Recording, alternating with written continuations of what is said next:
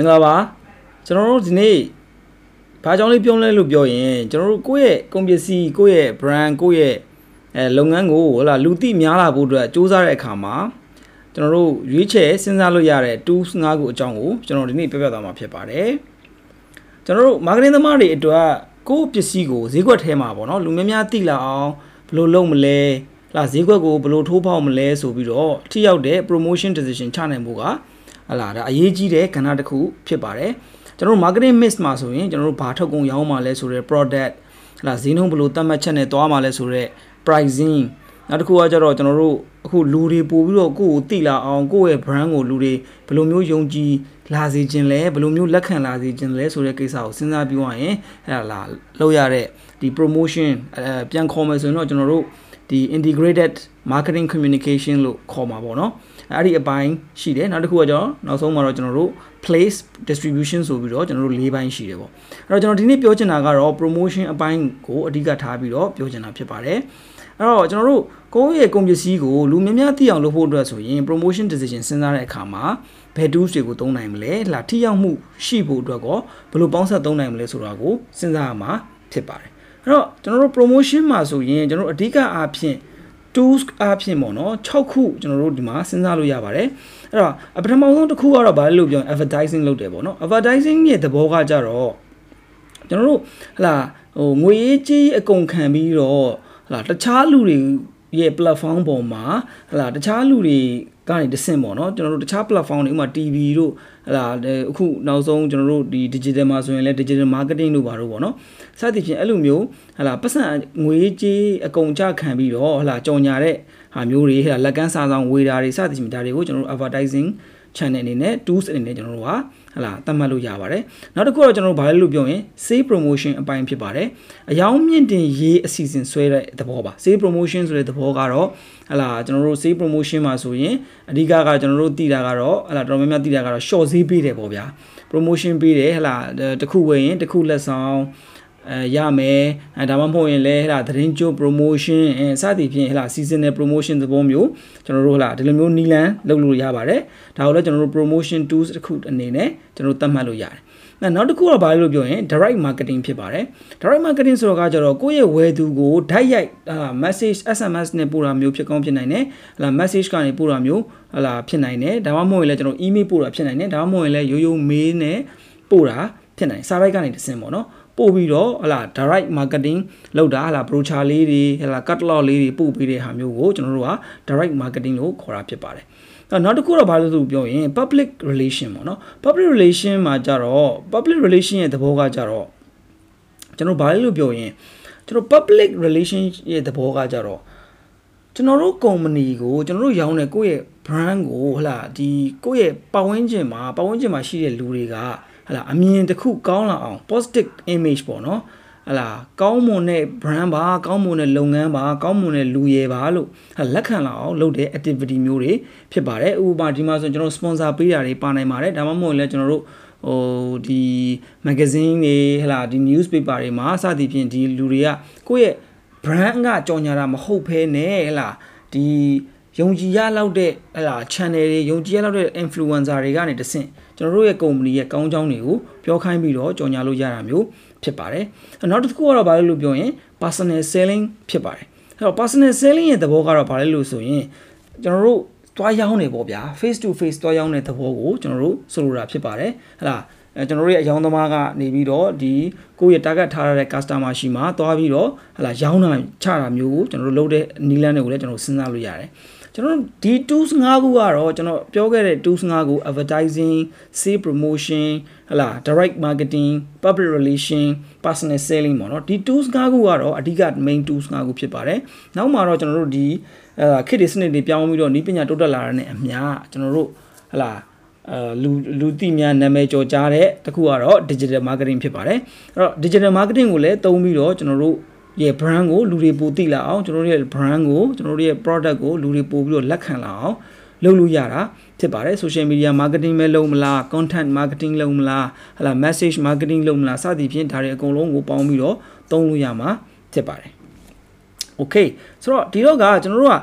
ကျွန်တော်တို့ရဲ့ promotion strategy integrated marketing communication strategy လို့ခေါ်ရင်တော့ပုံမှန်ပါမယ်အဲ့ strategy စဉ်းစားတဲ့အခါမှာအရှိမပြောခဲ့တဲ့ tools 6ခုလုံးကို ပေါင်းပြီးတော့သုံးတတ်ကြမယ်ရွေးချယ်ပြီးတော့လည်းသုံးတတ်ဖို့လိုတာဖြစ်ပါတယ်အဲ့တော့ကျွန်တော်ပထမ C ကဘာလဲလို့ပြောရင်ဒီ tools တွေကိုငါတို့ဒီဘယ် tools တွေကိုသုံးမလဲဘယ် tools တွေကိုရွေးချယ်မလဲလို့စဉ်းစားတဲ့အခါမှာပထမဆုံးစဉ်းစားမှာက communication ဖြစ်ပါတယ် communication ဆိုတာကဘယ်ကနေဆက်သွယ်မှာလဲဟလာငါဒီ channel သုံးလိုက်ရင်ငါတို့ရဲ့ brand ကိုလူဘယ်လောက်သိသွားမှာလဲဥပမာတစ်ခုပြောရင် advertising မှာမှကျွန်တော်တို့က TV မှာကြော်ညာတာနဲ့ Facebook မှာကြော်ညာတာနဲ့သဘောတရားဒီဟလာမတူနိုင်ဘူး communication ဘယ်လောက်လောက်ထိ reach ရောက်မှာလဲ Facebook ဆိုရင်ကျွန်တော် targeting ပိုဖြစ်မယ် TV မှာဆိုရင်တော့ဟလာ TV ကြည့်တဲ့လူတွေဟလာအဓိကထားပြီးတော့ကျွန်တော်တို့ကမြင်နိုင်မယ်သို့တော့ကျွန်တော်တို့ဟလာအသက်ကထားလိုက်ပါတော့ကျွန်တော်တို့ brand ကဟလာအသက်30ပတ်ချလဲ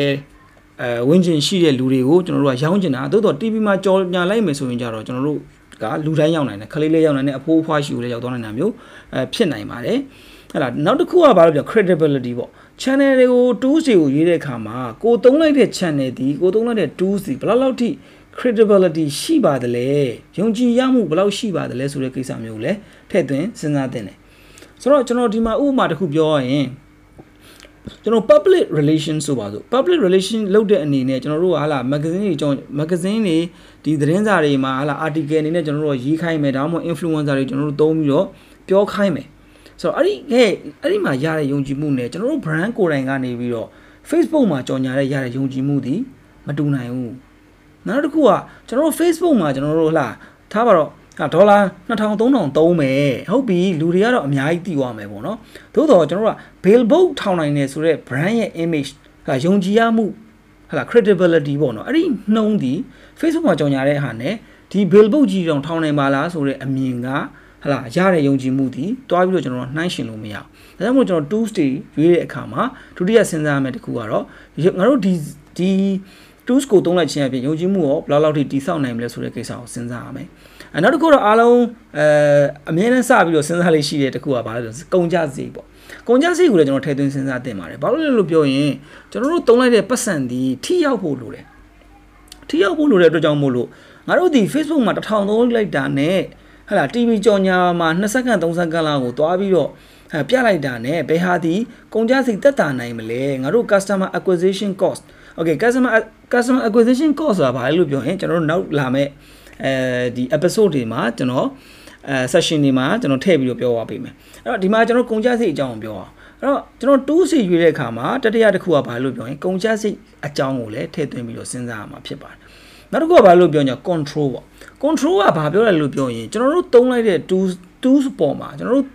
သုံးလိုက်တဲ့ channel ပေါ်မှာကျွန်တော်တို့ဒီကျွန်တော်တို့ brand အနေနဲ့ဘယ်လောက်လောက်ထိလွှမ်းမိုးမှုရှိသလဲဘယ်လောက်လောက်ထိထိန်းချုပ်လို့ရတယ်လဲဆိုတဲ့ကိစ္စကိုကျွန်တော်တို့စဉ်းစားရမယ်အဲ့တော့ဥမာ TV ဆိုပါစို့ TV ဆိုရင်ကျွန်တော်တို့ကကျွန်တော်တို့ရဲ့ထိန်းချုပ်မှုအောက်ကနေဟလာဒီဒီ TV မှာငါတို့ဘာကြောင်ညာပြောမှလဲငါတို့ဘာ message ပေးမှလဲဆိုတဲ့ကိစ္စကို planning လုပ်တဲ့ control ပြီးသွားရင် control ပေါ့နော်အဲ့မှာထိန်းချုပ်ပြီးွားနဲ့ကျွန်တော်တို့လေလိုင်းပေါ်လွှင့်လိုက်ရင်ပြီးပြီးွားပြီ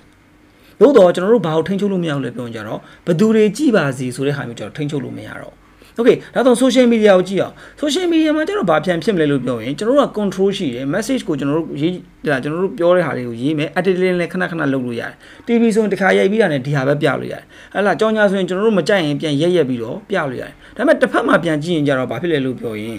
control ရဲ့သဘောတရားအရာကကြတော့ ဟလာကျွန်တော်တို့ Facebook က social media သိတဲ့အတိုင်းပဲအကုန်လုံး share ကြမယ် screenshot တွေရိုက်ပြီးတော့ပြောကြမယ်ဆိုကြမယ်အကယ်၍ကိုကမှားတာကိုကိုယ်တိုင်မှားတာဖြစ်ကောင်းဖြစ်နိုင်တယ်သို့တော့ဒါမှမဟုတ်ရင်လည်းကျွန်တော်တို့လက်ရှိပေါ့နော်ရောက်သွားတဲ့ Orient ကကိုယ့်ရဲ့ကြော်ညာရဲ့ idea စိတ်ကူးကိုမကြိုက်တာမျိုးဖြစ်နေတဲ့သဘောမျိုးဆိုရင်လည်းကျွန်တော်တို့အဲ့ဒါကိုကျွန်တော်လိုက်ထိန်းချုပ်လို့မရတော့ဗျာအဲ့တော့ဆိုလိုတာကဘာလဲလို့ပြောရင် channel ရွေးတဲ့အခါမှာငါတို့ဒီ control ဘယ်လောက်ရှိလဲဆိုတဲ့ကိစ္စကိုလည်းကျွန်တော်တို့ထည့်သွင်းစဉ်းစားရမယ်။ဒါနောက်တစ်ခုကျတော့ဘာလို့ပြောလဲ culture platform culture platform ကိုတော်တော်များများဒီပြောတာအဲနဲတယ်စဉ်းစားတာလည်းနဲတယ်လို့ကျွန်တော်ထင်တယ်ဒီမှာကျွန်တော်ဘာပြောချင်တာလဲလို့ပြောရင် culture platform ဆိုတာဥပမာထားပါတော့ကျွန်တော်ဒီနေရာမှာကျွန်တော် social media နဲ့ဥပမာလေးပေးခြင်းတယ်ကျွန်တော်မြန်မာနိုင်ငံမှာအဓိကသုံးတဲ့ platform ကိုကြည့်လိုက်မယ်ဆိုရင်၅ခုရှိပါတယ်ကျွန်တော်ဟလာ Facebook ရှိမယ်ကျွန်တော် YouTube ရှိမယ် social media မှာပေါ့နော် Facebook ရှိမယ် YouTube ရှိမယ်နော် Instagram ရှိမယ်နော်အဲနောက်ဒီ LinkedIn ရှိမယ်နောက်တစ်ခုကကြတော့ TikTok ရှိမယ်ပေါ့ အဲ့တော့ဒီ platform တွေရဲ့သဘောတရားကမတူဘူးပေါ့နော်ဥပမာပြောရရင် Facebook ကိုကျွန်တော်တို့လူတွေကသုံးနေဆိုပါတော့သုံးတဲ့အခါမှာကျွန်တော်တို့တကယ်ယူချက်ကတကယ်ချင်းတွေနဲ့ contact လုပ်ရှိနေဖို့ဟလာကိုယ့်ရဲ့ဟလာ post လေးတွေတင်မယ် communication လုပ်မယ်ဆိုတဲ့ idea ပေါ့နော်တကယ်ချင်းတွေပြောကြမယ်ရည်ရည်စရာလည်းပါမယ်စိတ်စိတ်မကောင်းစရာလည်းပါရင်လည်းပါမယ်စသည်ဖြင့်ပေါ့နော် human interaction ကိုစဉ်းစားတယ်အဲ့တော့ကျွန်တော်တို့က platform ကကျွန်တော်တို့ ဒီ LinkedIn ကိုရောက်သွားတယ်ဆိုပါစို့အဲ့တော့ LinkedIn ကိုရောက်သွားတယ်ဆိုရင်ကြာကျွန်တော်တို့ဘာဖြစ်လဲလို့ပြောရင်ကျွန်တော်တို့ရဲ့ mood ကပြောင်းသွားပြီ customer ရဲ့ mood ကဘာဖြစ်သွားလဲဆိုပြောရင်အလုပ်နဲ့သက်ဆိုင်တဲ့ဘိုင်းကိုပို့ပြီးတော့ရောက်သွားပြီသူရဲ့ idea ကို idea ကိုပါနော် okay ဒါဆိုရင်ချက်ပြန်ကြည့်ရအောင်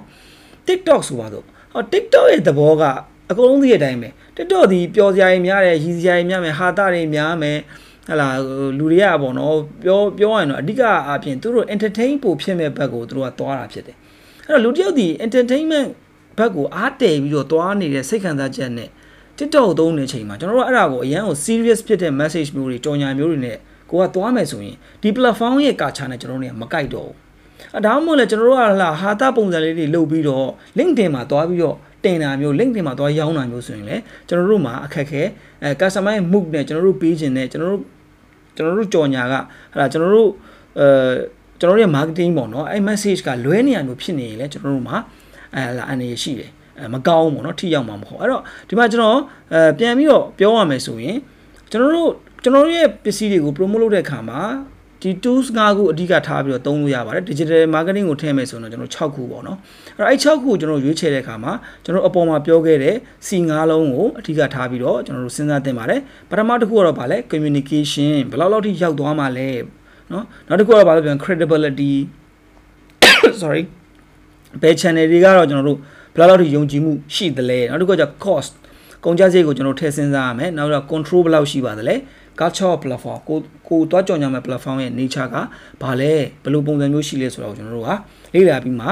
လာဆုံးဖြတ်တင်တာဖြစ်တယ်နောက်တစ်ခုကျွန်တော်ဒီမှာတစ်ချက်သတိပေးချင်တာက communication tools တွေကို communication tools တွေကိုသုံးတဲ့အခါမှာကျွန်တော်တို့ဒီတေချာပေါက် ဟုတ်ပြီနော်ကျွန်တော်တို့ဒီတေချာပေါက်ဒီ tools 5ခုလုံးကိုဟလာအဓိက5ခုပေါ့နော် digital ပေါင်းတော့6ခုအဲ့6ခုလုံးကိုပူးပေါင်းပြီးတော့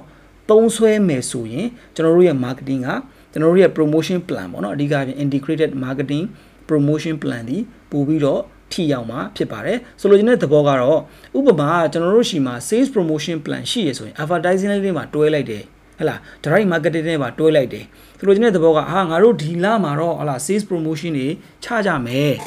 okay ဒါဆိုရင်ဘာလုပ်လဲလို့ပြောရင်ငါတို့ promotion ရှိနေချောင်းကို advertising ကလည်းကြော်ညာမယ်ငါတို့ရှိမှလက်ရှိရှိနေပြီးသား customer list ကိုလည်း direct market direct marketing လေးနဲ့ငါတို့လုပ်မယ်အစသဖြင့်ဒီလိုမျိုး tools တွေကိုကျွန်တော်တို့ကပေါင်းပြီးတော့လုပ်သွားမယ်ဆိုရင်ကျွန်တော်တို့ရဲ့ဟလာဒီ promotion integrated marketing plan ဒီပို့ပြီးတော့ထိရောက်မှာဖြစ်ပါတယ် အဲကျွန်တော်မင်းသက်ထွတ်ပါကျွန်တော်ကတော့ Bada Version က Chief Trainer နဲ့ Consultant ဖြစ်ပါတယ်ကျွန်တော် marketing marketing နဲ့ပတ်သက်တာတွေနောက် entrepreneurship နဲ့ပတ်သက်တာတွေနောက်တစ်ခုက life lesson နဲ့ပတ်သက်တဲ့ကိစ္စတွေကိုကျွန်တော်ရဲ့ဒီအဲ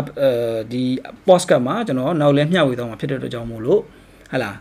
follow လုပ်ထားဖို့ပြီးတော့အကယ်၍နှစ်သက်တယ်ကြိုက်တယ်ဆိုရင်ကျွန်တော် review လေးတွေရေးပေးဖို့ rating လေးတွေပေးဖို့ကိုကျွန်တော်ကတောင်းဆိုပါတယ်ကျေးဇူးတင်ပါတယ်အားလုံးအဆက်ဆက်ရရအဆင်ပြေကြပါစေခင်ဗျာ